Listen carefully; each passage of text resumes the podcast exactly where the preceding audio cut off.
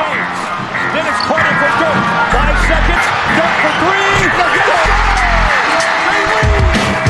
Van a zaj, nincs egyszer a végén, ha battog a spalding Minden nap élmény, blokkok és zsákok Na gyere megmutatom, ez NBA szerelem Keleten, nyugaton, robban a zaj Nincs egyszer a végén, ha battog a spalding Minden nap élmény, blokkok és zsákok Na gyere megmutatom, ez NBA szerelem Keleten, nyugaton Éjjó!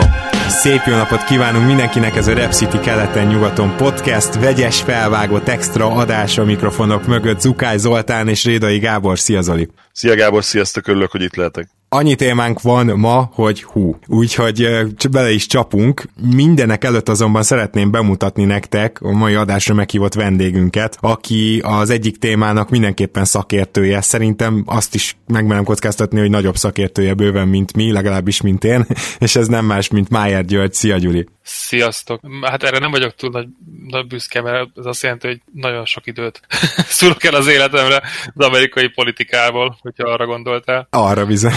Szia Gyuri, én is üdvözöllek. Szia. Mielőtt még belecsapnánk, csak ilyen téma áttekintés, beszélünk ma természetesen az NBA által elfogadott újraindítási tervről, szerintem egy, egy 10 percet, és utána beszélünk a adásunk fő témájáról, hogy politizál az NBA, hogy ez miért van, mi történik, mert azt láttam, láttuk, inkább így fogalmazok a kommenteken, hogy rengeteg ember nem érti, például nem érti azt, hogy, hogy miért baj az, hogyha valaki azt mondja odakint, hogy All Lives Matter, a Black Lives Matter helyett. Tehát vannak ilyen kis apróságok, amikről szeretnénk beszélni, azért, mert ugye az NBA, NBA-nek eléggé vaskosan része azért az afroamerikai kultúra, illetve a, az aktivizmus is most már. Szerintem jó, hogyha kapunk erről egy képet. De először is egy NBA játékosról hoztam nektek pár adatot, és szeretném meg, hogy kitalálnátok, hogy kiről van szó. Van egy olyan játékos az NBA történelmében, aki ugyanabban az évben lett Rookie of the Year és MVP.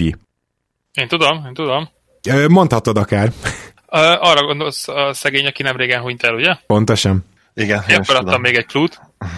És bajnok is lett, ugye? Nem abban az évben, de azt hiszem kétszer is bajnok lett a csapatával. Igen, 77-ben és 78-ban is bajnok lett a csapatával, illetve amit még érdemes tudni, hogy a 77-78-as nem, bocsánat, tehát 78-ban lett bajnok, és akkor Finals MVP is lett, és egy igazi small ball center volt, csak 6-7 magas, de rögtön az újon CV-ből lekapott 18 lepattanót átlagban, és ez 68-69-ben volt, és igen, ő nem más, mint Wes Anseld, csak szerettem volna egy picit megemlékezni a liga egykori MVP-jéről. A, a, a valaha volt legjobb lepattanózók között mindig, mikor Rodmerről beszélünk, meg, meg, meg azért... Barkleyról. Barkleyról, igen, tehát akkor, akkor valahogy Anseld kevésbé hangzik el, pedig, pedig ő nagyon ott, nagyon ott van az élmezőnyben. Karrier átlag 14 lepattanó, azért az is akármilyen időszakról beszélünk, brutális. Meg ugye az ő neve sokszor elhangzik az ilyen nagyon pontos, gyönyörű, hosszú outlet passzoknál, mondjuk Kevin Love-nál, vagy, vagy, vagy LeBron James-nél is, ugye, mert Wes Hanseld arról is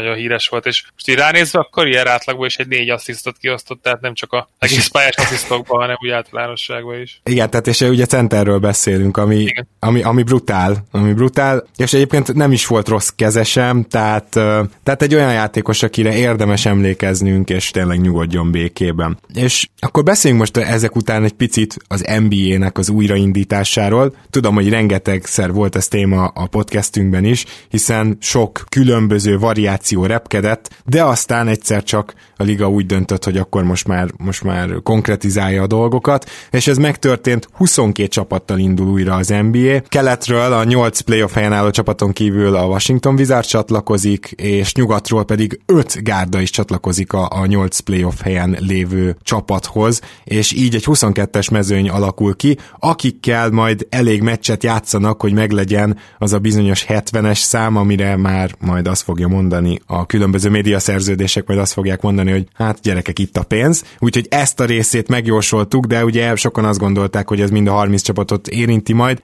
Nem, nem merték ezt bekockáztatni, ugye az is most már tény, hogy Disneylandbe, Orlandóba lesz egy hatalmas komplexum, és egy ilyen buborékot hoznak létre. Ezek tehát nem újdonságok, de 22 csapatra nem tudom ki gondolt, és egy furcsa play-in lesz nagyon. Ugye ez az, amikor a nyolcadik helyet még megküzdenek a csapatok az utolsó rájátszás helyért vagy helyekért. Ez persze csak abban az esetben történik így, hogyha négy mérkőzésen belül van a nyolcadikhoz képest a kilencedik helyezett, és ebben az esetben a nyolcadik és a kilencedik összecsap úgy egy két nyert meccsig tartó párharcban, nagyon furcsa erről ezt mondani, hogy gyakorlatilag onnan kezdőnek majd, hogy egy núra vezet a, a nyolcadik. És ez azt eredményezi, hogy ahhoz, hogy a kilencedik helyezett, ha ugye sikerül teljesíteni ezt a négy meccsen belül lévőséget, az, az csak úgy tud majd playoffba jutni, hogyha mind a két meccsét nyeri. Na, Hát gyakorlatilag ez, és, és nem csinálták meg azt, hogy konferenciától függetlenül egy 16-os playoff, hanem, hanem kelet-nyugat playoff lesz rendesen. Még, még ez is érdekes.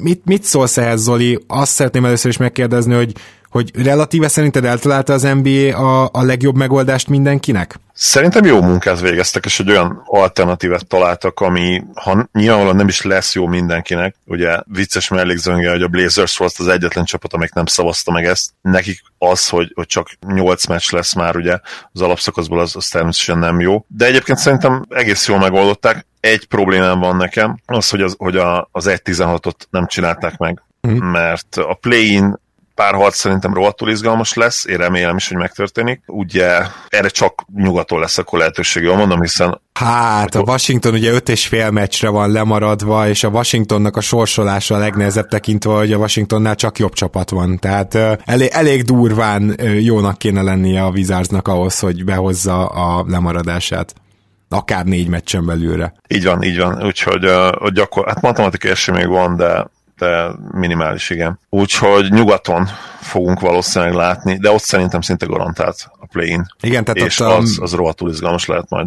Igen, tehát a, a Grizzliesnek továbbra is nehéz a sorsolása, mert ugye ezek a csapatok egymás ellen játszanak, és valahogy majd úgy lesz a, a sorsolás kialakítása, hogy a hátralevő meccsek közül azokkal játszanak, akik még bent vannak, akik ott vannak Orlandóban. Persze nagyon izgalmas, hogy, hogy van egy csomó olyan eset, amikor mondjuk egy csapatnak a, a nyolcadik meccse, az a másik csapatnak már a kilencedik vagy a tizedik lenne, tehát mindenképpen bele kell majd nyúlni ebbe a bizonyos sorsolásba. Ezt még nem tudjuk pontosan, hogy hogy hogy lesz. Azt is tudjuk viszont, hogy hamarosan elkezdődnek a, a training campek június végén és július 10-e környékén azt hiszem megérkeznek a csapatok majd Orlandóba, és júli 31-én pedig indul az alapszakasz, vagyis folytatódik. Gyuri, neked van-e hiányérzeted? Van-e valami, amit szerinted nem sikerült teljesíteni? Nem, igazából ez, ez, ez fairnek tűnik, nyilván olyat nem lehet úgy találni, hogy mindenkinek tetszen, és az egy helyszín is ugye borítékolható volt. Azt nem tudom, hogy ugye én olyan nagyon-nagyon most ugye kisbaba miatt is napi szinten nem követem, hogy ez hogy néz ki majd a jövőre, tehát uh, hogyan változik ettől a, az őszi, meg a jövő évi szezon, azt is el tudjátok mondani? Persze, természetesen. Ugye itt arról van szó, hogy emiatt gyakorlatilag októberig tart majd a, a szezon döntővel mindennel együtt, és aztán a draft lotterit azt még azt hiszem augusztusban vagy szeptemberben megoldják. A draft október 15-én lesz konkrétan megtartva, és akkor november 1-től indul az új szezon, és vannak ilyen tervek egyelőre, hogy december 1-én meg már konkrétan a meccsek is elindulnak, azért egy kicsit szkeptikusak vagyunk, hogy itt a free agent igazolások meg minden arra elég lesz egy darab hónap. Minden esetre azért arra készülhetünk, hogy amint újraindul júliustól az NBA, szerintem következő nyárig szinte egy ilyen folyamatos henger jön, és, és nem nagyon lesz akkor utána pihenő, ami ilyen szempontból talán jó.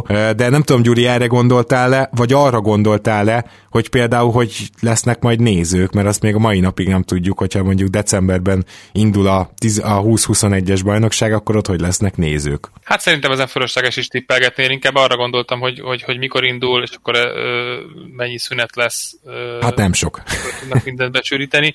Szerintem ez a néző néző kérdés, ez, ez, ez meg fog oldódni, meg fog oldódni idővel. Nem, én szerintem ez nem lesz már következő szezonban probléma. Hát én, én nagyon drukkolok, hogy így legyen. Aki ugye igazából panaszkodik a megoldások miatt, az a kimaradt csapatok közül többen. Hát nem a Golden State, ő, ők közölték, hogy ők köszönik szépen, nem szívesen játszanának. A New Yorknak is volt ugye hasonló nyilatkozata, amit azért nem értek, mert tele vannak fiatallal.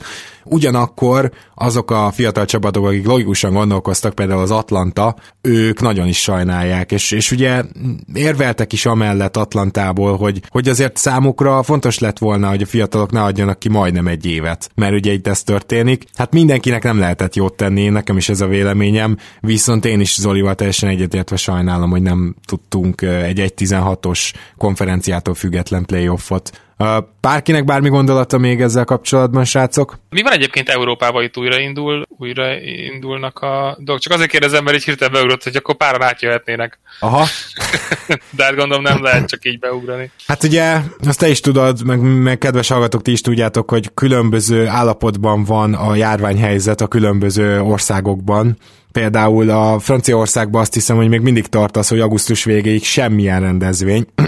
úgyhogy, úgyhogy gyakorlatilag itt most valószínűleg máshogy is indulhatnak akár az európai bajnokságok, de szerintem mindenki azt tervezi, hogy szeptember-október tájékán azért el, el, el elindulgatnak. Öm, befejezni ugye kosárbajnokságot már nem nagyon fognak, amennyire tudom, de ebben majd javítsatok ki, kedves hallgatók, mert ugye európai kosárban akkora rálátásom nincsen. Én is így tudom, és egyébként a hihetetlen nagy szórás van a sportokat illetően, tehát van olyan sport, ahol például ugye kézilabda BL, kézilabda, ahol, ha jól tudom, decemberben lejesz, le, lejátszák majd az idei Final Four-t, amit egyébként el tudsz képzelni, Zoli, hogy gondolj bele, hogy mondjuk két csapat egymástól igazol. És akkor, Igen. tehát, hogy...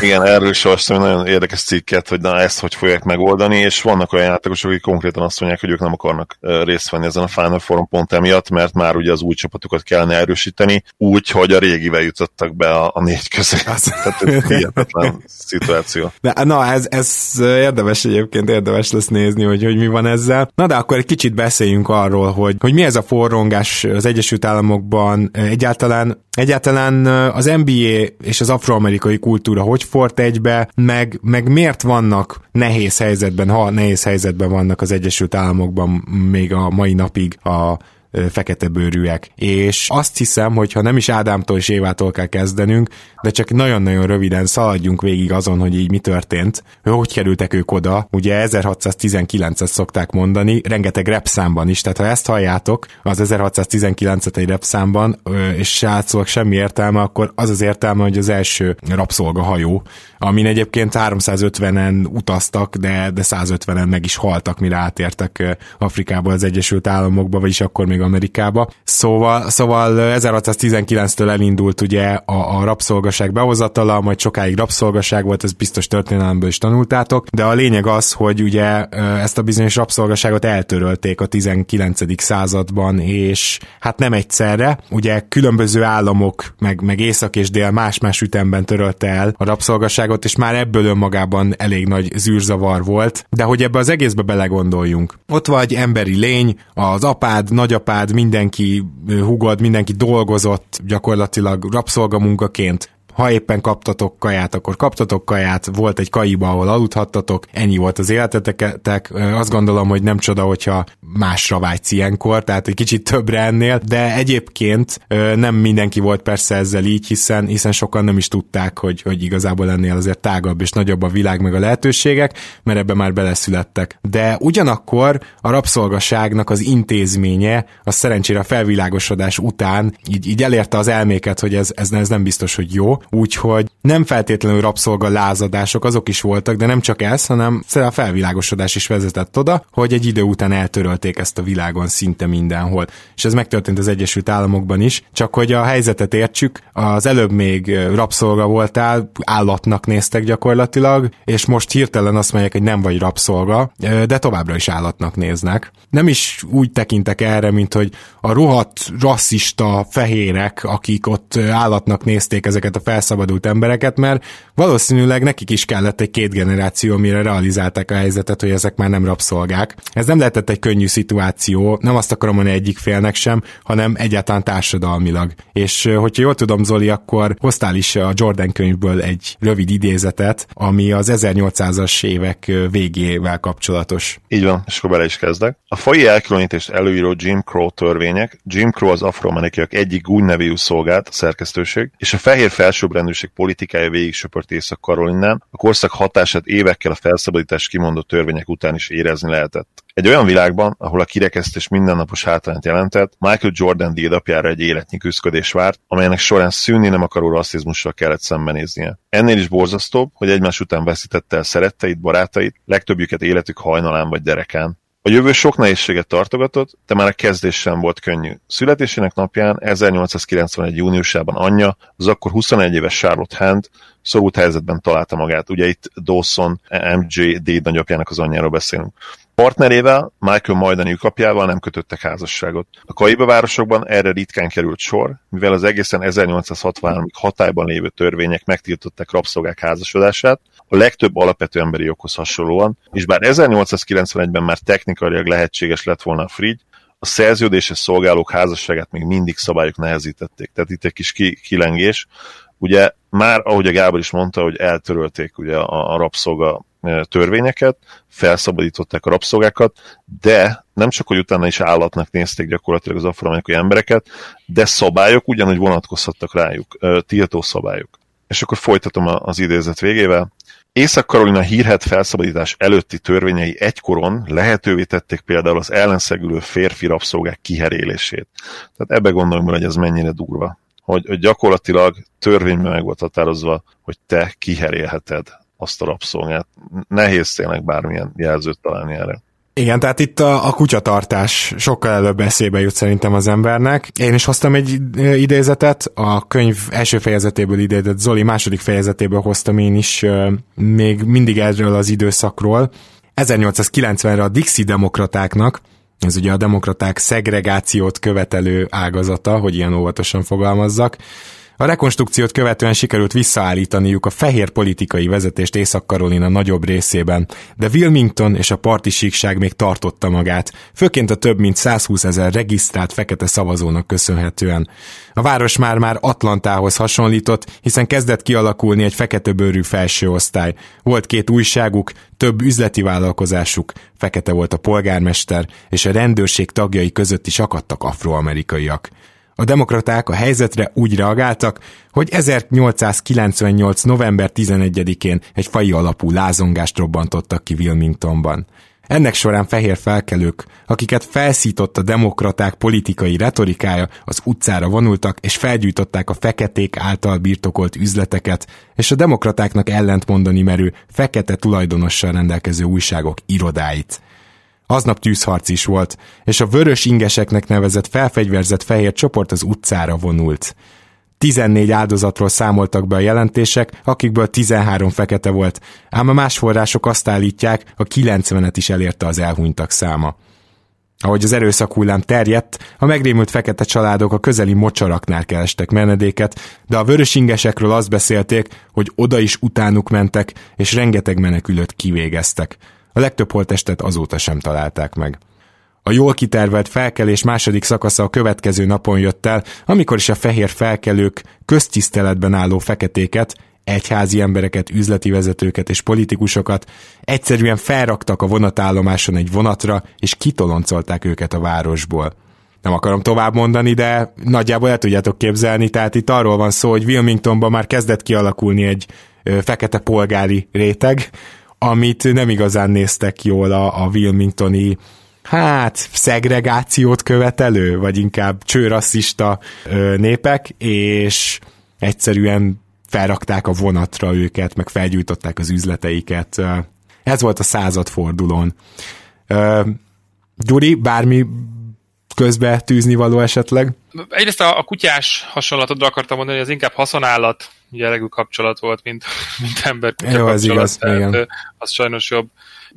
Nem tudom, nekem lenne majd elég sok ilyen távolabbról és kicsit más szempontból megközelítve a dolgot, mert, mert sajnos itt a párhuzamosan van ugye a, a fai probléma és a gazdasági probléma olyan szempontból, hogy ugye az embereknek ne, nem, nem ad lehetőséget arra is, hogy, hogy, hogy kicsit felemelkedjenek, hogy mondjam, életszínvonalban is, uh, hanem próbálod elnyomva tartani, nem véletlenül ugye nagyon sok ilyen fai összetűzés arról szólt, hogy ugye nagyon szúrta a fehérek szemét, ha elkezdett a, elkezdtek a feték, feketék ugye megtollasodni, vagy, vagy, vagy, vagy, vagy jobb oktatást kapni, tehát, tehát ezek ellen a dolgok ellen nagyon küzdött, tehát ugye így jön ki ez a, ez a systemic racism, nem attól elsősorban, hogy ami a felszínen van, hogy hogy bánnak veled, hanem ami a felszín alatt van, hogy, hogy megakadályozzák azt, hogy gyakorlatilag az életszínvonalban is ugye az átlagok közelítsenek egymáshoz. De előbb fejezzétek be, aztán majd én még beszélek. Uh, itt igazából jó nagyokat fogok most ugrálni, tehát uh, azt képzeljétek el, hogy, hogy hoztak olyan törvényeket, például Észak-Karolinában is, de máshol is,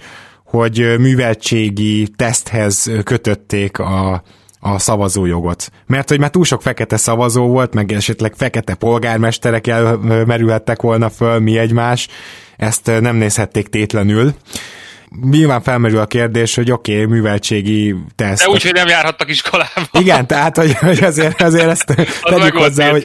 Ez kicsit olyan, mint a táliboknál lassan.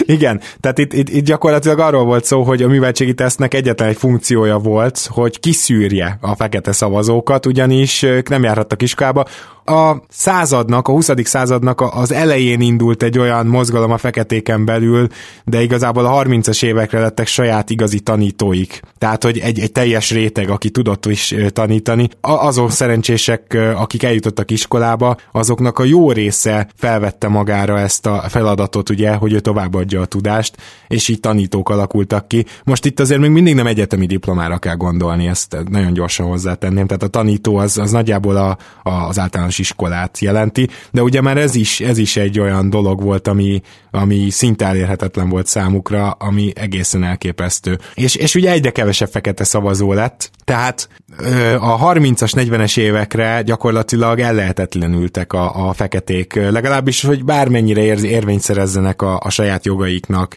saját életüknek, és a 30-as évekből, ha jól tudom, akkor van egy kis szösszenetünk a könyvből, ugye Zoli?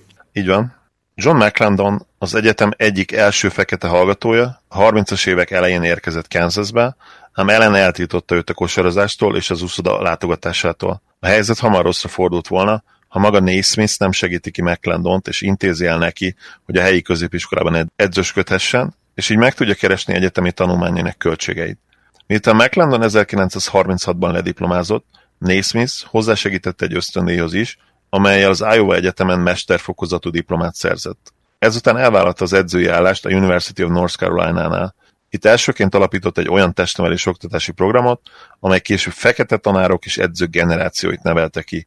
Ebben a programban vett részt Clifton Pap Herring, Jordan középiskolai edzője is. Tehát itt picit a könyvről is beszélünk, ugye, ami karácsony környékén fog írni, vagy, vagy esetleg késő összel is, ugye erről majd, majd konkrétan megosztjuk a részleteket veletek, hogy itt azért milyen, milyen nevek felmerültek, ugye Naismith, akit ugye nem kell bemutatni, és bizony Clifton Pop Herring, aki Jordan első komolyabb edzője volt, illetve első kos, kosárlabda edzője volt, nagyon-nagyon-nagyon fontos szerepet játszott abban, hogy, hogy ma ismerjük Michael Jordan-t, mint, mint ezt a globális ikont, és bizony a, a rasszizmus és, és a szisztematikus elnyomás, a rendszer szintű elnyomás, az, az itt is olyan fontos szerepet, szerepet töltött be MJ saját történetében, hogy, hogy nagyon sok helyen bizony ez a, ez a vonat, hogyha kisiklik, akkor ma egyáltalán nem tudjuk azt valószínűleg, hogy ki az a Michael Jordan.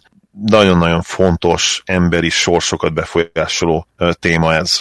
Igen, úgy, úgy képzeljétek el talán ezeket a, az éveket, és ez jó sokáig tartott, nyilván a második világháború után is, de, de addig nem másod, hanem harmadrendű polgárok voltak. Például ugye volt olyan egyző, aki, akinek az volt a legnagyobb problémája, amikor fekettékből álló kosárcsapatot egyzett, hogy, hogy ők nem hitték el, hogy ők olyan jó atléták, mint a fehérek, hanem úgy gondolták, hogy rosszabb atléták, úgy gondolták magukról, hogy butábbak, és ezért gyakorlatilag mag, már az önbizalmuk felépítése is egy ilyen hatalmas ö, feladat volt. Hát szerintem ez, ez sok mindent elmond, és különösen azt, hogy tudjuk, hogy ha, ha van pár genetikai különbség, abból mindenképpen az egyik, hogy egy átlagos fekete atléta bizonyos atlétikai dolgokban jobb, mint egy fehér atléta, és látjuk a kosárlabda pályán, hogy mondjuk átlagosan valószínűleg magasabbra ugrik, esetleg gyorsabb. Nyilván ez nem mindig van így, meg, meg nem, nem azt mondom, hogy ez ilyen 80-20 százalék arányban, de, de valószínűbb. Tehát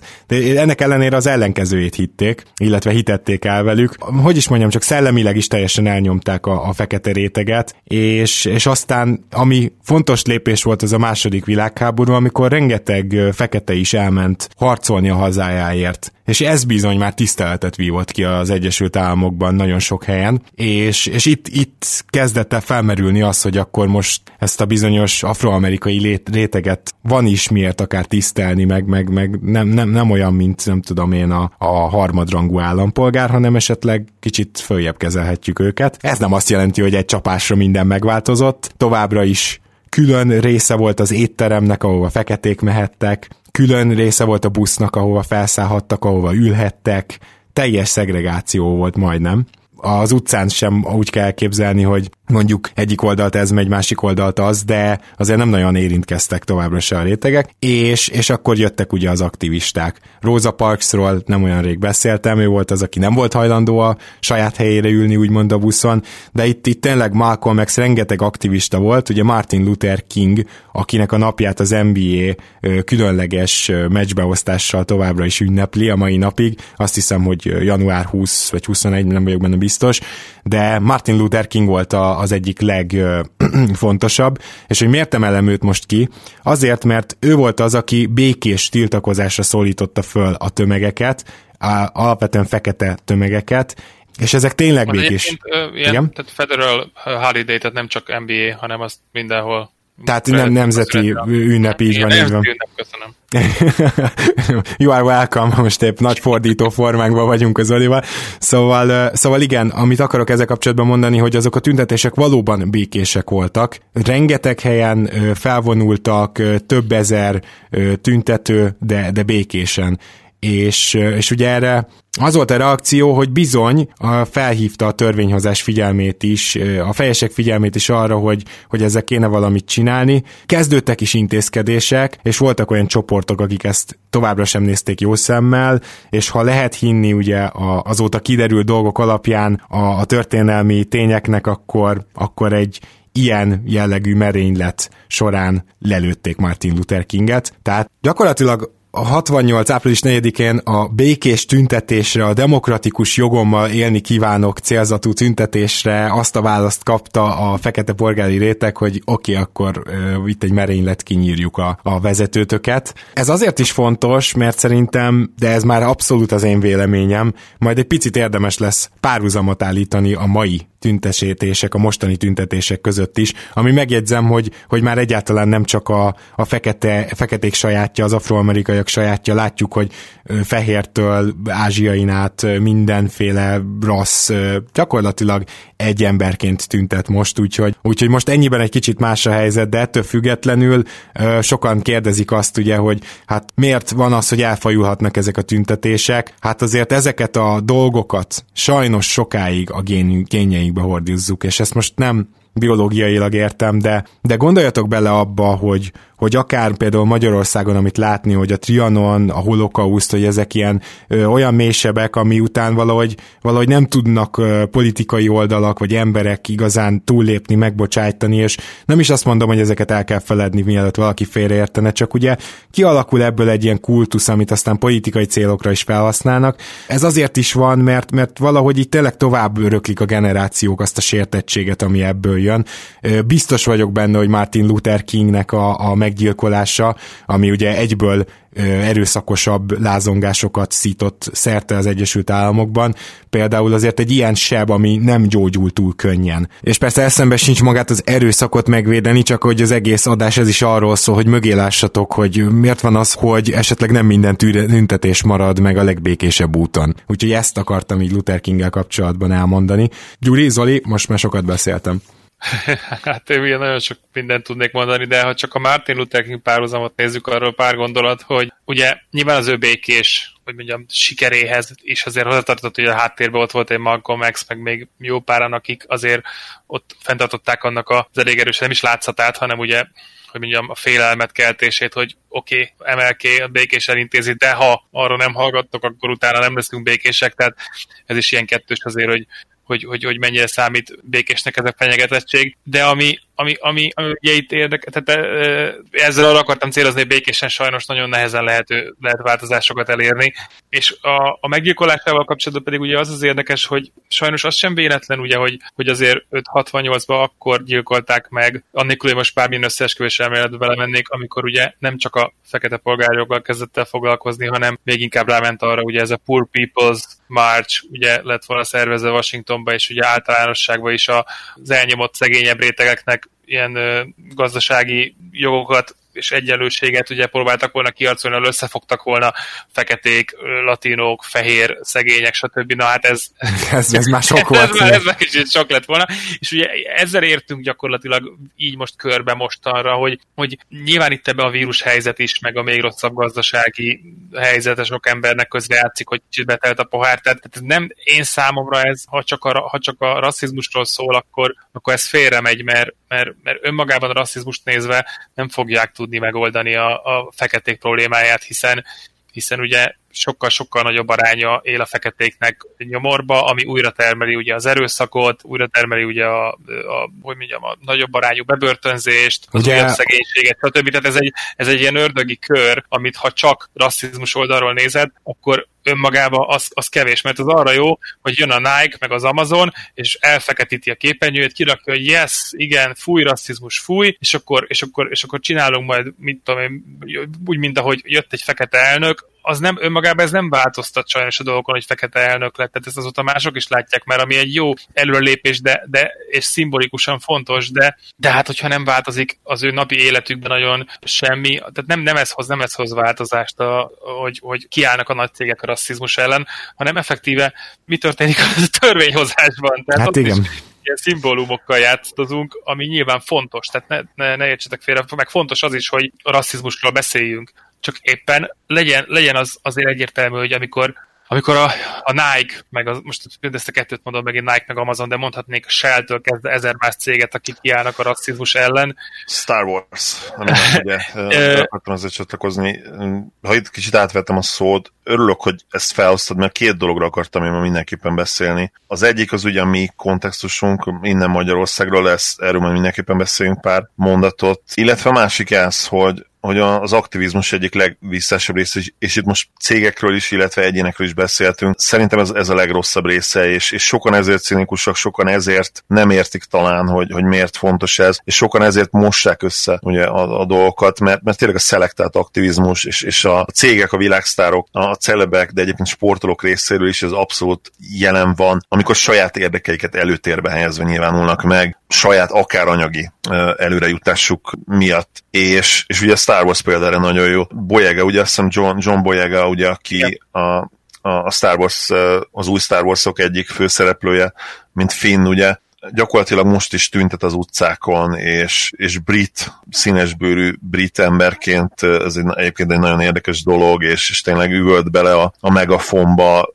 azt, azt üvölt, hogy nem biztos, hogy lesz állása ezután, de, de lesz arja, és azt szerintem tök jó ez a rész az aktivizmusnak. A Star Wars tweet viszont ugye tweeteltek, hogy mellette vannak, stb. kiállnak mellette, és hát sokan emlékeztették őket nem sokkal utána, hogy amikor Kína, amikor ugye bement a Star Wars mozi Kínába, és kirakták a posztereket, John Boyegát levették róla, és, és nyilvánvalóan Star Wars, illetve ugye a Disney semmit nem mondott. Miért nem mondott semmit? Mert pénz beszél, kutyaugat, és, és ha ők akkor kiálltak volna, akkor egy ilyen NBA, kiálltak volna ténylegesen a, a sztárjuk, a színészük mellett, akkor egy NBA-hez hasonló balhé lehetett volna belőle, Kínának nem szólsz be, a kínai piacra nem szórakozol. Amikor ugye tét dollár 100 millió voltak, nem segítették a, a, a saját színészüket, és semmit nem szóltak. Igen, azért sajnos mindig meg kell nézni, hogy tehát az nem nagyon viszi előre az ügyeket, úgymond mélyebben, hogyha nagy cégek kiállnak, akár a melegek egyenjogúsága, akár a rasszizmus terén, mert, mert, mert nyilván ezt nem, nem morális okokból, hanem, hanem leülnek, kimatekozzák, és most, ha emellé mondjuk odállunk Kaepernick mellé, akkor az nekünk, az nekünk jó lesz. De hát látjuk, hogy, hogy oké, okay, ebből valószínűleg a Nike több cipőt adott el, de Kaepernick sajnos sok mindent nem ért el. Nyilván utólag belőle is majd hős lesz valószínűleg egy 20-30-40 év múlva, de hát most látjuk, hogy még Drew Brees esetén is, hogy abszolút ő se érti, még mindig a mai napig sem, hogy, hogy miről szólt ez a, ez a térdelés. Igen, pedig... Ugye, ped... bocsánat, bocsánat, bocsánat, a lényeg, a, lényeg, a lényeg igazából az, hogy valószínűleg itt is már nagyon sok hallgatót elvesztettünk, tehát most még azt hallgat minket, akit tényleg érdekel ez a dolog, mert ugyanis az egész, egésznek az a rákfenéje, hogy ugye ha a rasszizmusról úgy beszélünk, hogy, hogy vannak ugye a rasszisták, meg a nem rasszisták, és akkor mindenki ilyen sértetnek érzi, hogy mondjam, ilyen támadottnak érzi magát, hogyha ő úgymond jobboldali a politikai szinten, akár Amerikában, akkor Magyarországon. És akkor, és akkor ez egy tök jó dolog, mert ezzel egy el vannak az emberek, és vitatkoznak éveken, évtizedeken keresztül, hogy mi a. Tehát, tehát ezért mondom, hogy ez egy zsákutca, mert, mert, hogyha, mert hogyha, hogyha gazdasági oldalról néznénk, és próbálnánk kievelni a feketéket, akár a cigányokat, stb. a szegénységből, oktatással, célzott nem segélyekkel, hanem olyan célzott munkahelyi támogatással, ezer millió dologgal, akkor lehetne úgy beszélni erről az egész dologról, hogy ugyanúgy segítjük a szegény trailer parkba élő rednek fehéreket is, mert ugye azokat is ugyanúgy kéne, meg a feketéket, és nem pedig, nem pedig rassz alapon, hanem gazdasági alapon kéne szerintem ezeket a problémákat megkülönbözteti, meg különben, mert külön, vagy meg, hogy mondjam, megjavítani, mert különben mindig a politikusok rá fognak tudni arra játszani, hogy, hogy ez, a, ez, ez az ellentétet szítsák, és, és gyakorlatilag egy ilyen paposó malomba örülünk, ahol nem jutunk előrébb, mert mindig csak a mindig csak, mindig csak a rasszizmus próbáljuk megszüntetni, nem pedig a kilátástalanságot, ami a szegény fekete legnagyobb problémája. És ugye a politikusoknak ez rohadt jól jön, ezt tegyük hozzá. Ez, Tehát a, amíg ez a, ez a harc folyik, addig van mi mentén tematizálni a közbeszédet. És aki, akié a közbeszéd, azé a hatalom. Tehát, Igen, és, és nagyon igaza van Gyurinak abban, hogy nem mondtak ki szó szerint, de ugye erről van szó, hogy, hogy a, a bűnözés az nincs a véletben, ez egy baromság. A, a, az de a közösségedben benne lehet, nincs a kultúrádban meg a véletben, most, hogy beleszólok, viszont, viszont ugye benne lehet a légkörbe. És ugye azért az emberek sokszor félértik, hogy ezt azért mondjuk, mintha mentegetni akarnánk azokat a bűnözőket. Nem, hanem nem tudom, ezer film, most nem akarok filmeket kiemelni, de mondjuk a Wire nagyon jó erre, ugye Igen. a Wire című sorozat. Vagy esetleg, hogyha valaki 90-es évek elejé reppet hallgat, mondjuk NWA zenét, akkor azt, azt is tudom ajánlani a témában. Igen, bár nehéz ezt nyilván megérteni ilyen messziről, mármint igazán megérteni, Igen. kívül, hogy most tök jó menőnek tűnik, és akkor te is mondogatod, de, de nyilvánvalóan, hogyha, hogyha elítélték a, mondjuk akár csak ugye a 80-as, 90-es évek borzasztó amerikai drogpolitikáját nézzük, mikor több százezer embert kereső apát kiveszel a közösségből azért, mert volt esetleg pár botlás, és most tényleg botlásról beszélek, tehát akár fogyasztás, mert fogyasztásért is ítéltek el 80-as, 90-es években több, hát merem megkockáztatni, nézetek utána több százezer fekete amerikai, ugye amikor a crackre lecsaptak, miközben ugye a Wall Street-en, a kokainra, Sejtetjük, igen. Akkor kiveszed a keresőt a családból, megbélyegzed a családot, újra termelődik ez a dolog, ez a düh, ez a tehát azért mondom, hogy ez, ez, ez, ez, ez legalább ennyire ilyen oldalról kéne criminal justice reform, most mi az magyarul, bocsánat, oldalról, meg gazdasági oldalról megközelíteni, hogy nem biztos, hogy be kéne zárni ezeket az embereket börtönbe, mert ez a következő generációban újra termeli a problémát, és 50 év múlva is ezen fogunk vitatkozni, hogy fújra. Igen. Zanzásítva a, a szociogazdasági légkör, a szociogazdasági háttér az, ami megteremti ezeket az embereket, és csak akkor változhat ez meg, hogyha szisztematikusan ahogy Gyuri mondta, a, a gazdasági hátteret is nézve hoznak meg rendszer szintű kormányzati változtatásokkal döntéseket, törvényeket, csomagokat. És Más ezeknek a csomagoknak nem az kell, hogy legyen a szövegük, ugye, hogy a feketéket így támogast külön vagy úgy. Tehát itt mondom, tehát ez is nagyon fontos, hogy már, már, már ebbe is így rasszizmus látnak bele sokan, mert itt ugye az, az lenne a lényeg, hogy a, a, amit a Gyuri mondott, hogy a, a trailerbe élő rednekeket is ugyanúgy, tehát egy gazdasági réteget kellene felemelni. Na most erről mindenképpen beszéljünk, hogy amit az Oli is mondott, hogy a nyomor szocializál, hogy ez, ez hogy történik, tehát miért miért van ilyen rohadt nagy hatalom az Egyesült Államok rendőreinek a kezében, és hogy jutunk el a... Ez a, a következő, igen, a igen. rendőri brutalitás. Na most, na most ugye a 80-as években, már a 70-esben és a 80-as években és a 90-es években a, a nagyvárosi gettókban olyan állapotok uralkodtak, és nyilván jó részt, tehát többségében feketék voltak, ezek városi belső szegény negyedek, nyilván nem európai klasszikus értelemben gettók, de tényleg így hívták őket, és nem is véletlenül. A, ugye vannak ezek a mondások, hogy mi oda fehér ember be nem tehette a lábát, ez megint egy egyébként csőrasszista mondás, mert azt akarja sugalni, hogy oda, hogy oda normális, nem bűnözői kapcsolatokkal rendelkező ember be nem tehette a lábát, tehát már a mondás csőrasszista itt. és ugye ezek a gettók, ezek például olyan saját belső rendszert és működést építettek föl, itt is csak a Wired tudom javasolni, amit már Gyuri is mondott, a drót, így találjátok meg magyarul, fantasztikus sorozat, amelyhez a rendőröknek nem volt elég oda menni és ismertetni a jogokat, meg, meg hangosan kiáltozni, tehát Például ott igazolás nyert az, hogy nyert az, hogy a rendőröknek extra jogok kellenek, hogy el tudják intézni a szituációkat, mert nagyon komoly kártelek, bűnbandák voltak, akik szó nélkül lelőttek rendőröket is. Például ezt nyilván hozzákötötték rögtön a feketékhez, Értem, hogy miért, tehát érthető, csak nem, ez nem a fekete genetika, hogy ők gettókba szervezve drogot árulnak, tehát ezt azért mindannyian értjük, de ezt hozzákötötték, és a, a rendőrökön, rendőri intézményen belül is szerintem ezzel, vagy ezekben az időkben egy elég kemény megerősítést kapott a, a, a lappangó, vagy nem is annyira lappangó rasszizmus. Ezt miért mondom el? Azért, mert nagyon vicces, hogy nem nagyon tudsz a rendőröknek úgy jogot adni, hogy figyelj már ebbe a gettóba itt Baltimore közepén ezt és ezt csinálhatod, de a vidéki rendőr rendőr az csak felszólíthat messziről. Tehát e, lehetnek különbségek, de azért, azért azt nem tudod megcsinálni, hogy, hogy teljesen ég és föld legyen.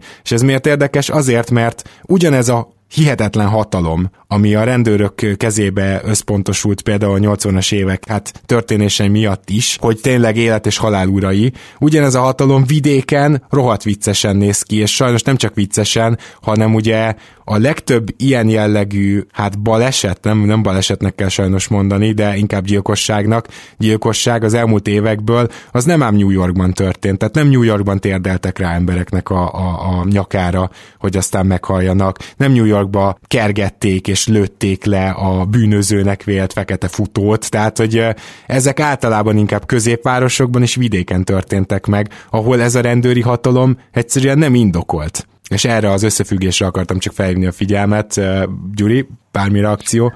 Egyrészt nem is csak a rendőri hatalom, hanem ami nagyon durva Amerikában, és szintén európai szemmel nehéz ugye elképzelni, bár hát ennek nyilván a fegyver viselési törvényekhez is köze van, de maga az, hogy, hogy nagyon-nagyon sok rendőrségnek brutálisan sok katonai cucca van. Tehát ugye leszivárog ide is a, a fegyverlobbinak az ereje, most ebben nyilván nem menjünk bele, hogy, hogy ugye a Védelmi Minisztériumtól, vagy nem is tudom pontosan hogyan, de ugye jönnek és utalják ki nekik az alig használt, vagy, vagy, vagy túl sokat vett ilyen úton, módon feleslegesé vált eszközöket, tehát nagyon sok amerikai városban már vannak ilyen, ilyen kvázi katonai felszerelésre masírozó rendőrök, ami ugye ráesít arra a problémára, hogy teljesen ugye elveszted a kapcsolatodat a közösséggel, tehát, tehát, tehát egy, ugye erről is beszélhetnénk hosszan, hogy egy ellenségképként néznek sokan a rendőrökre, ami, ami, ami szerintem teljesen elkerülhető lenne. Most egyébként fölhangosodnak majd erre, érdekes lesz, hogy a mostani tüntetéseknek lesz -e, erre, lesz -e valami ilyen kifolyása, hogy ugye ez a defund the police, ugye ezt is nyilván a jobboldali konzervatívok teljesen azonnal ég, égnek áll a hajuk, hogy mi az, hogy szüntessük meg a rendőrséget, nem, nem a defund az azt jelenti, hogy csökkenteni a költségvetést. Tehát olyan brutális, hogy nem jövő évben például a New Yorki rendőrségnek 6 milliárd dollár lesz a költségvetése,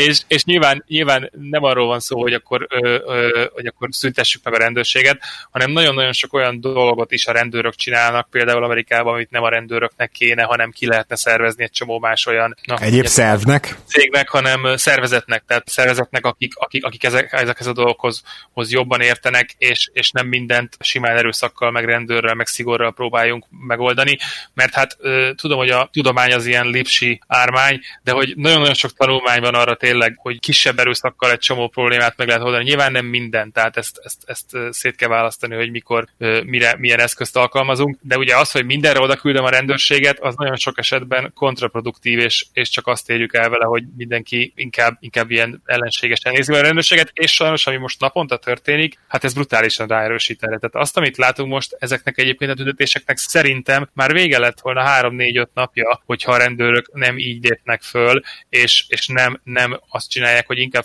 a looting ellen, tehát a rablások, ugye a fosztogatások ellen keményen lépnek föl, de figyelnek arra, hogy ha egy tüntetés békés és nincs a környéken looting, akkor mi a fasznak könyvgázazol már, bocsánat, minek vered a békés tüntetőket, annak, annak semmi értelme, tehát, tehát, tehát hogy mondjam, nagyon-nagyon sok videó, nyilván ki lehet válogatni, hogy a rendőrök agresszívak ezen a videón, és ki lehet válogatni, hogy a fosztogatók agresszívak azon, tehát nyilván ez ilyen játék, hogy mindenki a saját magának tetsző videókat válogatja ki. De általánosságban, ha figyelsz arra, hogy egy békésen tüntető tömeget ne könyvgázozzál már szét, mert az kontraproduktív lesz, és az, az érd el vele, hogy még, még, még ma is, holnap és holnap után is úgy folytatódnak Igen. ezek a tehát, e- és volt olyan, ami, ami nyilván nagyon sajnálatos, hogy, hogy bizony egy rendőrt megöltek, ugye egy fosztogatók egy, egy boltot védett valószínűleg, és ez nagyon-nagyon szomorú, de nyilván az elkövetőket, a, az elkövetőkre a törvény teljes szigorával kell lecsapni, de ez nem azt jelenti, hogy, hogy ez, ez okot vagy indokot adhat egy másik államban a rendőröknek arra, hogy, hogy teljesen ártatlan békés tüntetőket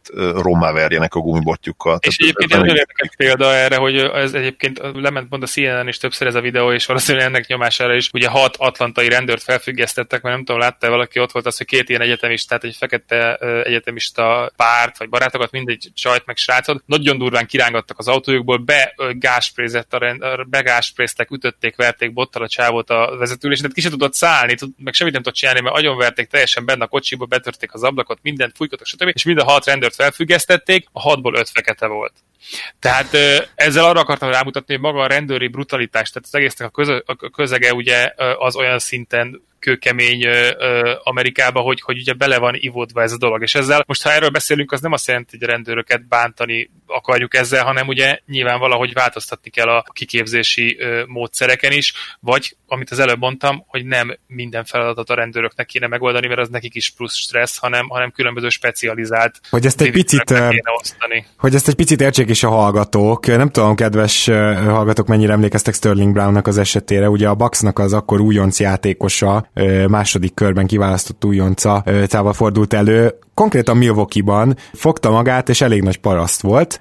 A Merciével beállt két mozgássérült helyre keresztbe egy bolt elé, Ilyenkor szerintem mindannyian magunkban azért azt mondjuk, hogy megrugdosnám a kocsit, nyilván nem tesszük meg, de, de azért már megértem, hogyha ez indulatokat, indulatokat kelt. Hát ő függetlenül beszaladt a, a, a vásárolni akart valamit, és amikor jött ki, akkor, akkor egy rendőr várta, és csak hogy tudjátok, a törvények szerint kapnia kellett volna egy 200 dolláros csekket büntetésként. Na most nem ezt kapta, hanem mondta a rendőr, hogy jó, hát ő most akkor szeretne vele beszélgetni, és ebben a szituációban ő mondhatja meg, tehát ezt hangosan mondta a rendőr, hogy ebben a szituációban én mondhatom meg, hogy maga mit csinál. És ugye Sterling Brown pedig benne is felment a pumpa, hogy, hogy mi a fasz, nem mondasz meg nekem semmit. Azért nem így mondta, de, de, de érdekes volt, hogy az angol, itt az angol szavakat is muszáj kicsit elővennem. Tehát azt mondta a rendőr, hogy I owe the rights. És ugye ez az own, ez a birtokolni. És, és,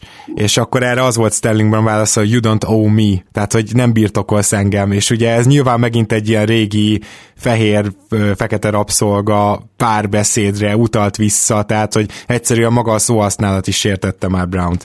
Na mindegy, nem akarom ezt túlhúzni, hívott erősítést, Brown-t gyakorlatilag sokkolóval ö, földre taszították, mondta egyébként, hogy a Bax játékosa, állítólag utólag egy rendőr mondta a letartóztatás végén, hogy hát ő nem tudta, nem követte a Bax, nem tudta, hogy ilyen híres, és bocsi, ami legalább ugyanolyan guztustalan valahol, hogy ezt mondja, de, de ugye mi történik? Nem egy parkoló ellenőr, vagy egy közteres, a magyar, magyarországi fogalmakkal élve, ment oda és oda tett egy 200 dolláros csekket, hanem a rendőrnek kellett elintéznie azt, hogy valaki rossz helyen parkol, és a rendőr végül úgy intézte, hogy, hogy, hogy sokkolóval földre vitte. Tehát még ordított is állítólag Brown. Én, én az, és öt rendőrt teperte le. Tehát, hogy, hogy ezt, e, ezt szerintem jól mutatja azt, amiről a Gyuri beszél. Sterling Egyébként majd lehet, hogy belinkelem, a, belinkelem ez alá a poszt alá, hogy van egy jó tanulmány, nature.com ráadásul, ami arról szólt, és ennek volt apropója, hogy ugye New Yorkban volt, hogy sztrájkoltak a rendőrök, nem is tudom, pár évvel ezelőtt, és a sztrájk alatt csökkent a bűnözés, és hogy azt, hogy, azt, hogy a kis, kisé visszavett rendőri agresszív felépés mennyi helyen csökkentette a bűnözést, de, de nyilván ez egy komplexebb téma. Én még annyit azért hozzátennék, hogy egyébként hogy el lehet mondani, azt hiszem beszéltünk is itt a műsorát a szeforózsás példáról, mert az is egy érdekes, tanulságos történet. Bizony. Ott is biztos merő véletlen, hogy pont az ő lába tört el, és nem Pero Anticsa volt, azt hiszem? Igen, igen, Anticsa volt, de, de nem Antics lába tört el.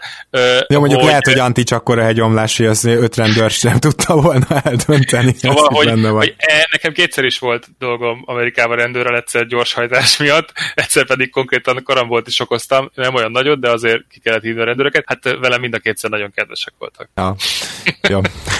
Oké, okay. én abban is biztos vagyok, hogy rendőr és rendőr között is óriási különbség lehet, és, és sajnos, sajnos az is biztos, hogy mondjuk egy Salt Lake City-ben, egy Minneapolisban valószínűbb, hogy egy vidéki rendőr egy feketét mondjuk úgy, hogy kicsit keményebben igazoltat, mint egy fehéret, mert egyszerűen ezekben az államokban például igencsak jelen van a, a, a rasszizmus, és ugye azt akarom mondani, hogy ki ellenőrzi a rendőröket. Nem fognak New Yorkba oda küldeni valakit, aki ellenőrzi, hogy elég PC-e a rendőrség, és, és... Nagyon fontos, nagyon fontos, pont ezért nincsen nagyon elítélve egy rendőrség, és egyébként ez lenne egy olyan változtatás, bocs, hogy beleszólok, ami, ami, ami történhetne is, hogyha mondjuk a demokraták egyszer tökösek lennének, de nyilván nem azok, csak sipákolnak, hogy jaj Trump, jaj Trump, de érdemi dolgokat nem ajánlanak. És egyébként ez Obama alatt is felmerült, ugye Eric, Eric Holder volt az ő főügyésze, és ő mondták, hogy igen, ezt kéne csinálni, mégpedig azt, hogy a kirívóan, súlyosabb esetekben lehessen, lehessen szövetségi ö, hatáskörbe vonni a prosecution, mi az ügyészi dolgokat, tehát a vádemelést, na, tehát ö, meg az egész ö, folyamatot, mert ugye mi, mi történik? Ugye a helyi prosecutor, a helyi ügyész, akármelyik szinten, nyilván ha már fölmegyünk a legfelsőbb állami szintre, ott annyi már, már nem, de a körzeti, városi, megyei többi ügyész, akinek meg kéne vádolni a rendőrt, az minden nap együtt dolgozik vele, és annak a rendőrségnek, hogy mondjam, a, a barátságára rá van szorulva, hiszen napi szinten együtt dolgoznak ezer ügybe, és, és azokat kéne megvádolnia, aki hol ugye napi szinten velük együtt dolgozik. Tehát ott olyan szintű érdekellentétek vannak, ami nem lehet hagyni, hogy az ilyen nagyobb súlyú ügyek is ott elsikadjanak, hanem ugye az szépen szövetségi, tehát följebb, felsőbb szintről kell meggyanúsítani azt a rendőrt, mert konkrétan így soha nem történik semmi. Tehát azt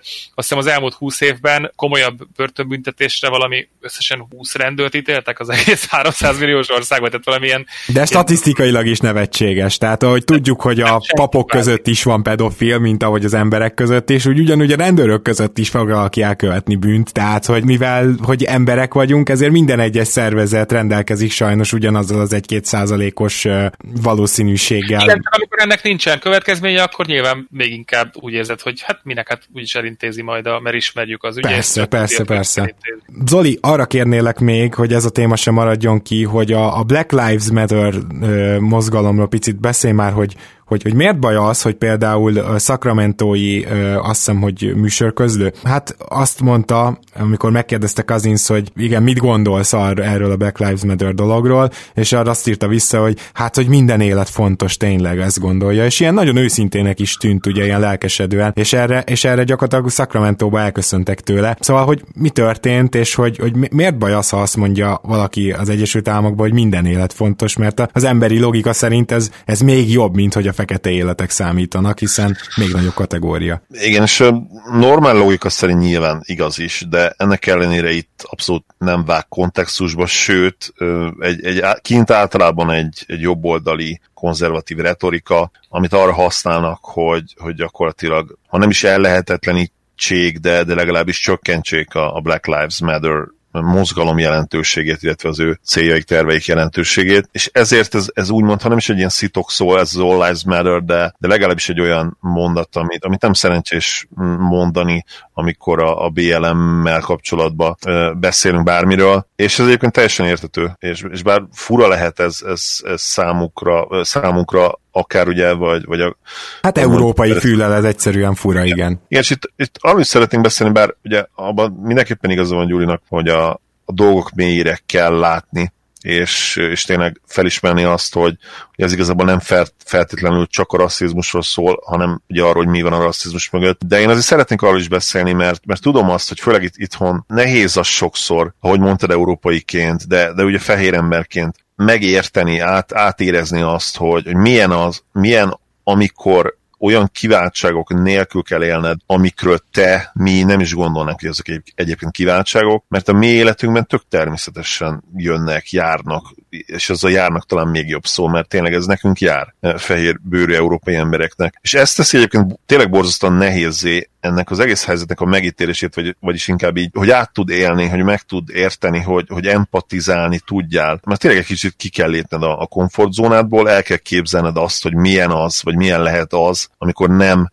kapod meg azokat az alapvető jogokat, amiben ugye te, mi beleszülettünk, és, és ez tényleg egy elhatározás kérdése is, tehát ezt magadba el kell határozod, hogy te megpróbálod ezt, ezt úgy is olyan értelemben is átgondolni, és kilépni egy kicsit a, a komfortzónádból, és egyébként ez tökéletesen megmagyarázza azt, hogy sok, sokszor egyébként liberális beállítottságú magyarok sem feltétlenül tudják megérteni a, a, a zavargások mögött, a kinti zavargások, az amerikai zavargások mögött rejlő e, mozgatórugókat. Ezt most csak gyorsan disclaimer, hogy, hogy a liberális itt ne ilyen magyar fogalom szerint értsétek, mielőtt még valaki azt hinné, hogy az SDS szavazókat szeretnénk itt megszólítani, tehát nem, nem, Én... valószínűleg 90% kedves hallgató, hogy te neked is alapvetően liberális a felfogásod, és attól még a, a, a kormány szavazója is lehet, hogy nem tudom, tehát, hogy azt a, a, az emberi szabadságjogok melletti kiállás elsősorban az, amit itt értünk liberális alatt, a, a klasszikus értelemben használjuk, és nem, nem, a, nem a politikai értelemben, és ehhez még azt is hozzáteszem, hogy amikor Zoli például említette, hogy ugye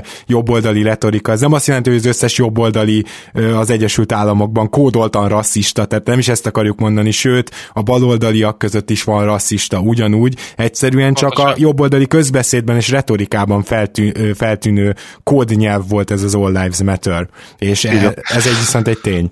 Így van, viszont arról meg tényleg szerintem érdemes beszélni, hogy, hogy hogyha fehérnek születsz, akkor igenis vannak olyan jó eséllyel, vannak olyan, olyan kiváltságid, olyan, olyan privilégiumok, amik, amik nem feltétlenül adatnak meg egy fekete bőrű embernek. Például, hogyha mi bemenjünk egy benzinkútra, nem fog ránk tapadni minden szempár, hanem, hanem jó esélye probléma nélkül vásárolhatunk majd, és ezt teljesen természetesnek veszük.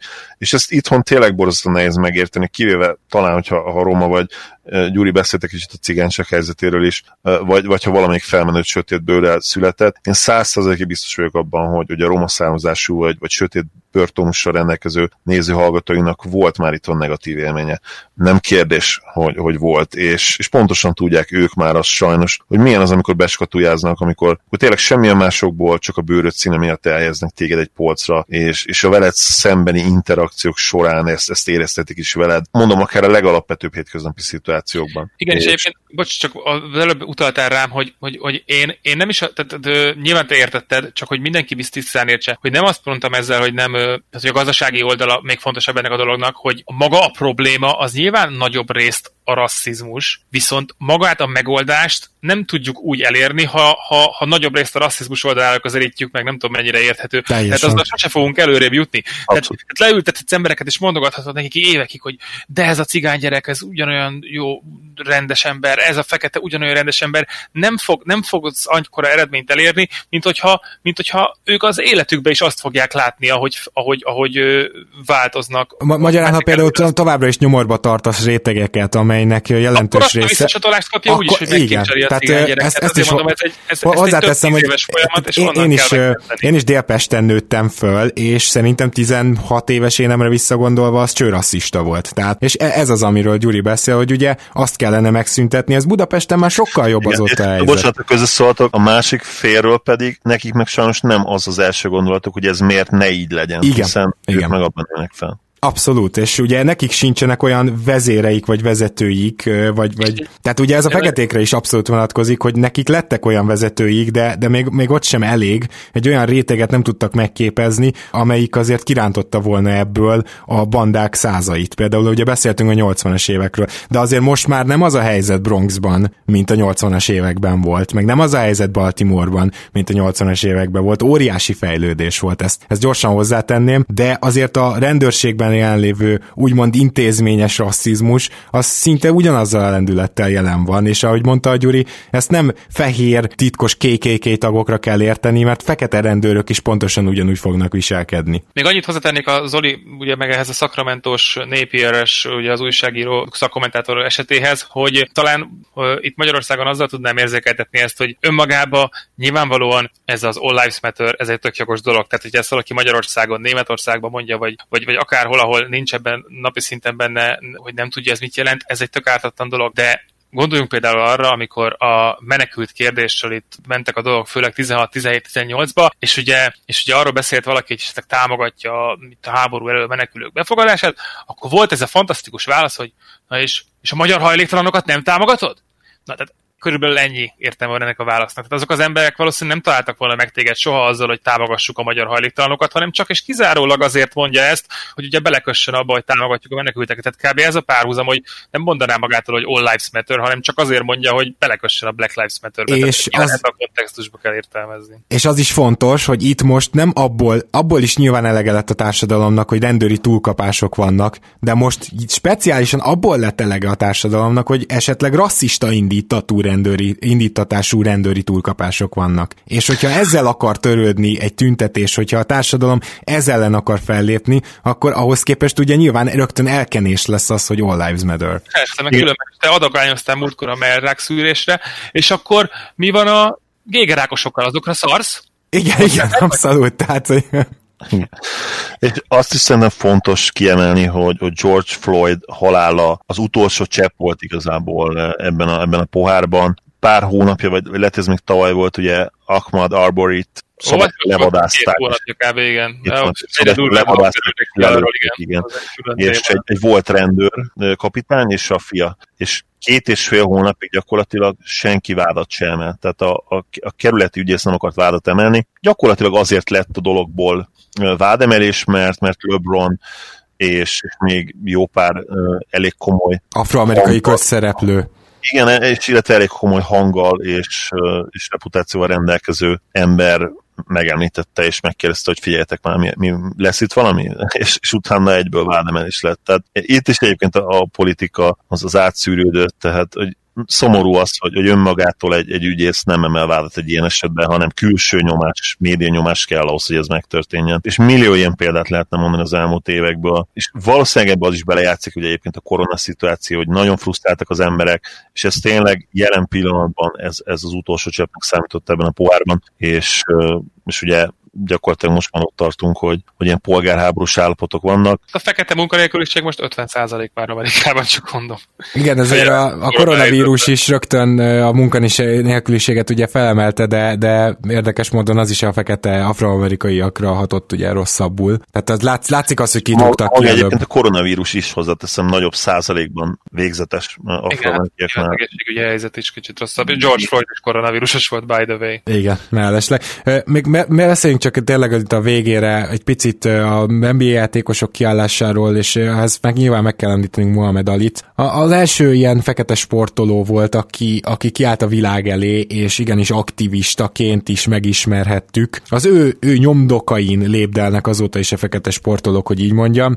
Már amikor ugye Jordanről tudjuk, hogy nem igazán akart ilyen típusú megnyilvánulásokat tenni. Őt, őt nem is érte annyira közvetlenül rasszizmus a saját élet életében, mert pont, pont egy szerencsés szituációba került, ezt a könyvben majd olvashatjátok, és, és ugye gyakorlatilag ma ennek, a, ennek az aktivizmusnak vannak még nyomai, de, de igazából elég kevés fekete ö, sportoló szólal meg. LeBron James ugye nagyon is magára vállalta ezt a szerepet, illetve rengetegen tweetelgetnek, ezt látjuk, de például Masai Ujirit akarom elmondani, aki nem csak elmondta a véleményét a szituációval kapcsolatban, például azt mondta, hogy a vezetőknek és elsősorban a fehér vezetőknek kellene most már megszólalnia. Tehát Például Ujiri azt mondta, hogy oké, okay, oké, okay, mi itt beszélünk, beszélünk, de jó lenne, hogyha a fehér is beszélnének. E- ezek az új irányok, amifelé most az NBA játékosok, NBA aktivisták tudják terelni ezt a dolgot, mert ugye hihetetlen nagy, soha nem látott nyilvánosságuk, nyilvánosságuk van. Na most abban biztos vagyok, hogy egyre több ilyen felszólalást, megszólalást láttok majd a jövőben, hogyha, hogyha most egyfajta mozgalom indul úgymond, és, és most tényleg elege lett a társadalomnak, akkor szerintem ö, mindenki készítse fel magát, hogy az NBA játékosok nem fognak úgy viselkedni, mint ahogy egy egyébként fehérbőrű műsorvezetőnő mondta LeBron Jamesnek egy éve vagy másfél éve, hogy lehet, hogy kicsit 2017-ben shut up and ball, vagy shut up and play, már nem emlékszem. Dora Ingram volt, és ez azért vicces, mert két napja pedig azt mondta, hogy miért nem hagyja mindenki, hogy Drew Brees elmondhassa rendesen a véleményét. Ó, oh, nagyszerű. Nos, nos, ő azt mondta, hogy, hogy kussa és kosara, az ezt így fordították akkor magyarra, és nekem tetszik ez a fordítás. Ö, tehát ugye az, hogy hát ő, ő, ő ne beszéljen ilyen dolgokról, ez a világ kezd megszűnni majd, és, és én azt gondolom, hogy az követ közeljövőben egyre több színesbőrű, és nem színesbőrű NBA játékos is megnyilatkozik majd ez ügyben, és szerintem a himnuszok alatti tüntetések is ilyen vagy olyan zárt formában azért majd ö, gyakoribbak lesznek. Úgyhogy, úgyhogy én, én szerintem most egy folyamat elején vagyunk, vagy, vagy attól függ, honnan nézed, lehet, hogy a közepén. Ámen. Nem, nem tudom, hogy, hogy most tényleg a, van angolban ez a kifejezés, ez a perfect storm, hogy most ez van jelen pillanatban, és, és tényleg a korona, meg, meg ugye minden más kellett ehhez, és hogy ez egy tartós megoldás lesz, vagy, vagy valaminek legalábbis a, a kezdete, ami tartós megoldáshoz vagy változáshoz vezethet. Nem tudom, de én is reménykedem. Igen, és ezért tegyük hozzá, hogy mondjuk Donald Trump személye nem sokat segít egyelőre ezen, és most tényleg nem állást foglalni akarok, nehogy azt higgyétek, hogy én itt most ezzel... Nem, ez nem is kell tényleg, tehát politikától függetlenül az ő személyisége nem alkalmas arra, hogy de eszkalálja a dolgokat, hiszen ő pont, a, pont eszkalálni szeret mindent, tehát igen. függetlenül attól, hogy, hogy ki milyen úgymond politikai oldalon áll, maga a Trump személyisége, arra se jó, hogy legalább egy ilyen gyönyörűséges, fantasztikus, ömlengős, Obama-szerű, vagy bármelyik politikus, aki ilyen szépeket tud mondani, és akkor legalább hamuból megnyugtatja az embereket, na hát arra ő alkalmatlan. Hát ugye Greg Popovics nagyon durván beszólt neki. Szerintem ilyenre azért még nem volt példa. Tehát Popovics konkrétan azt mondta, hogy, hogy egy, egy, egy bohóc, egy szar vezető, annyit kellene mondani, hogy Black Lives Matter, össze kéne fognia a, a nemzetet, de erre alkalmatlan. Persze, ilyenkor úgyis hazudozik minden politikus, ilyenkor kamuból valami szépet kéne mondani, hogy próbálni meg megnyugtatni, ígérni pár dolgot, amit úgyse tartunk be, de sajnos ő erre alkalmatlan. Igen, de most egyébként nagyon jól elemezted a szituációt, és annak a, a groteszk mi volt, tehát, hogy, hogy persze, ha ezek elhangozzanának, hosszú távon az se jelentene semmit, csak talán mondjuk az erőszakos tüntetés hullám része az, az lejjebb ö, menne hamarabb, de hát mindegy. Szóval ez egy nagyon nehéz téma, köszönöm szépen, aki kitartott velünk itt ö, több mint egy órán át, és ö, hát arra kérnélek titeket, hogy nyugodtan jöhet jöhetnek a gondolatok, tudom, hogy meg tudjuk az ilyeneket is normálisan beszélni, de a keleten-nyugaton oldalon. Ne feltétlenül az NBA Magyarország csoportban ott, ott kevésbé való a politizálás, nyilván mi most erről beszéltünk, tehát a mi oldalunkon ezt meg tudjuk akkor dumálni, és Gyuri, nagyon szépen köszönöm, hogy itt voltál velünk. Nagyon szívesen köszönöm a kívást. Sziasztok! Én is köszönöm, hogy itt voltál, Gyuri. Szia! Zoli, mi pedig hamarosan NBA témákkal jöhetünk hihetetlen. Például mondjuk 8 kiesőtől elbúcsúzhatunk valamikor a következő két-három hét folyamán, úgyhogy így kezd majd visszatérni a, a rendes kerékvágás. Remélem, hogy te is úgy vagy ezzel, hogy ezt az adást is azért meg kellett ejtenünk, még ha, még ha nehéz téma is, még hogyha penge táncoló téma is. Nem kérdés, a, a világot most ez a téma érdekli igazán, illetve ugye ott van a, a legfontosabb témák között, és, és persze nekünk is beszélni kellett róla, hiszen sportkontextusa is van a, a dolognak. Örülök, hogy itt lettem. Szia Gábor, sziasztok! Kedves hallgatók, nektek pedig köszönjük szépen, hogy hallgattok minket, azt is, hogyha támogattok minket, ezt Patronon megtehetitek. Jelentkezünk jövő hét elején, addig is minden jót kívánunk. Sziasztok! You should never in your wildest dreams shit on a nigga, nigga, nigga, nigga.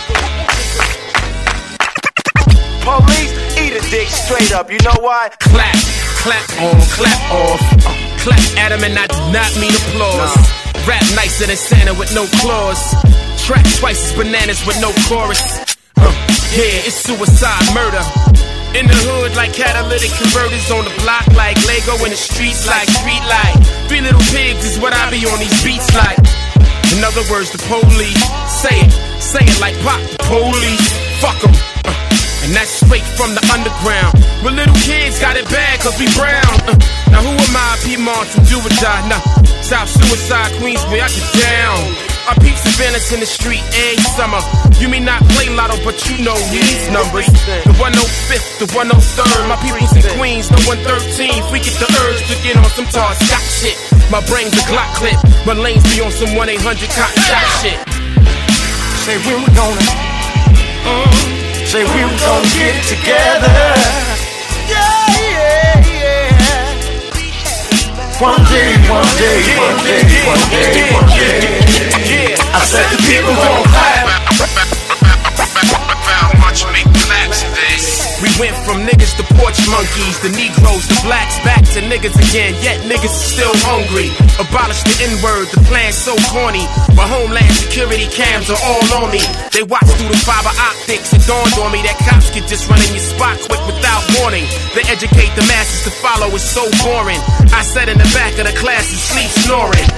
And they asked me why I'm vocal and inanimate. Cause I lost my focus like Governor Patterson.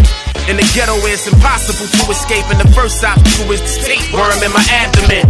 Spear chucker, fuck that. I toss javelins and $5,000 bills in the face of James Madison. This is an American postmortem to focus on your bogus Nova Soda scrotum and clap. Say when we were gonna, mm, say we were gonna get it together. Yeah, One day, one day, one day, one day, one day. I said the people gon' clap. Now, now, now everybody, now everybody, now, now everybody, now, now, now, now, now, now everybody just clap, clap, clap, clap, clap, clap, clap, clap, clap, clap, clap, clap, clap, clap, clap, clap, Now everybody, body just, just.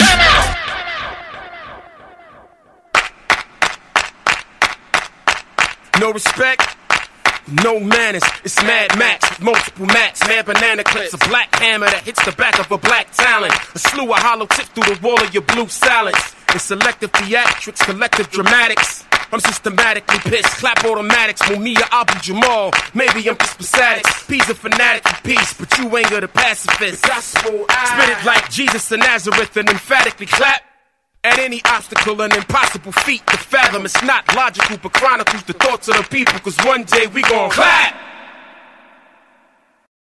Ha más podcastekre is kíváncsi vagy, hallgassd meg a Béton műsor ajánlóját. El tudod képzelni, hogy a podcastet, amit éppen most hallgattál, fél év múlva már a mesterséges intelligencia generálja? Mi sem. De ha érdekel, eljött már a gépek lázadása. Hallgass bele az Embertelen podcastbe. Orsós Lajos vagyok, a műsor házigazdája. Egyelőre még élőben. Egyelőre. Fedezzük fel együtt, hogyan ismerkedik, randizik, mesél és vitatkozik Betty és Péter, két teljesen mesterséges intelligencia. Lajos, a podcast címét mond még egyszer, Léci. Oké. Okay. Embertelen podcast. Ez a műsor a Béton közösség tagja.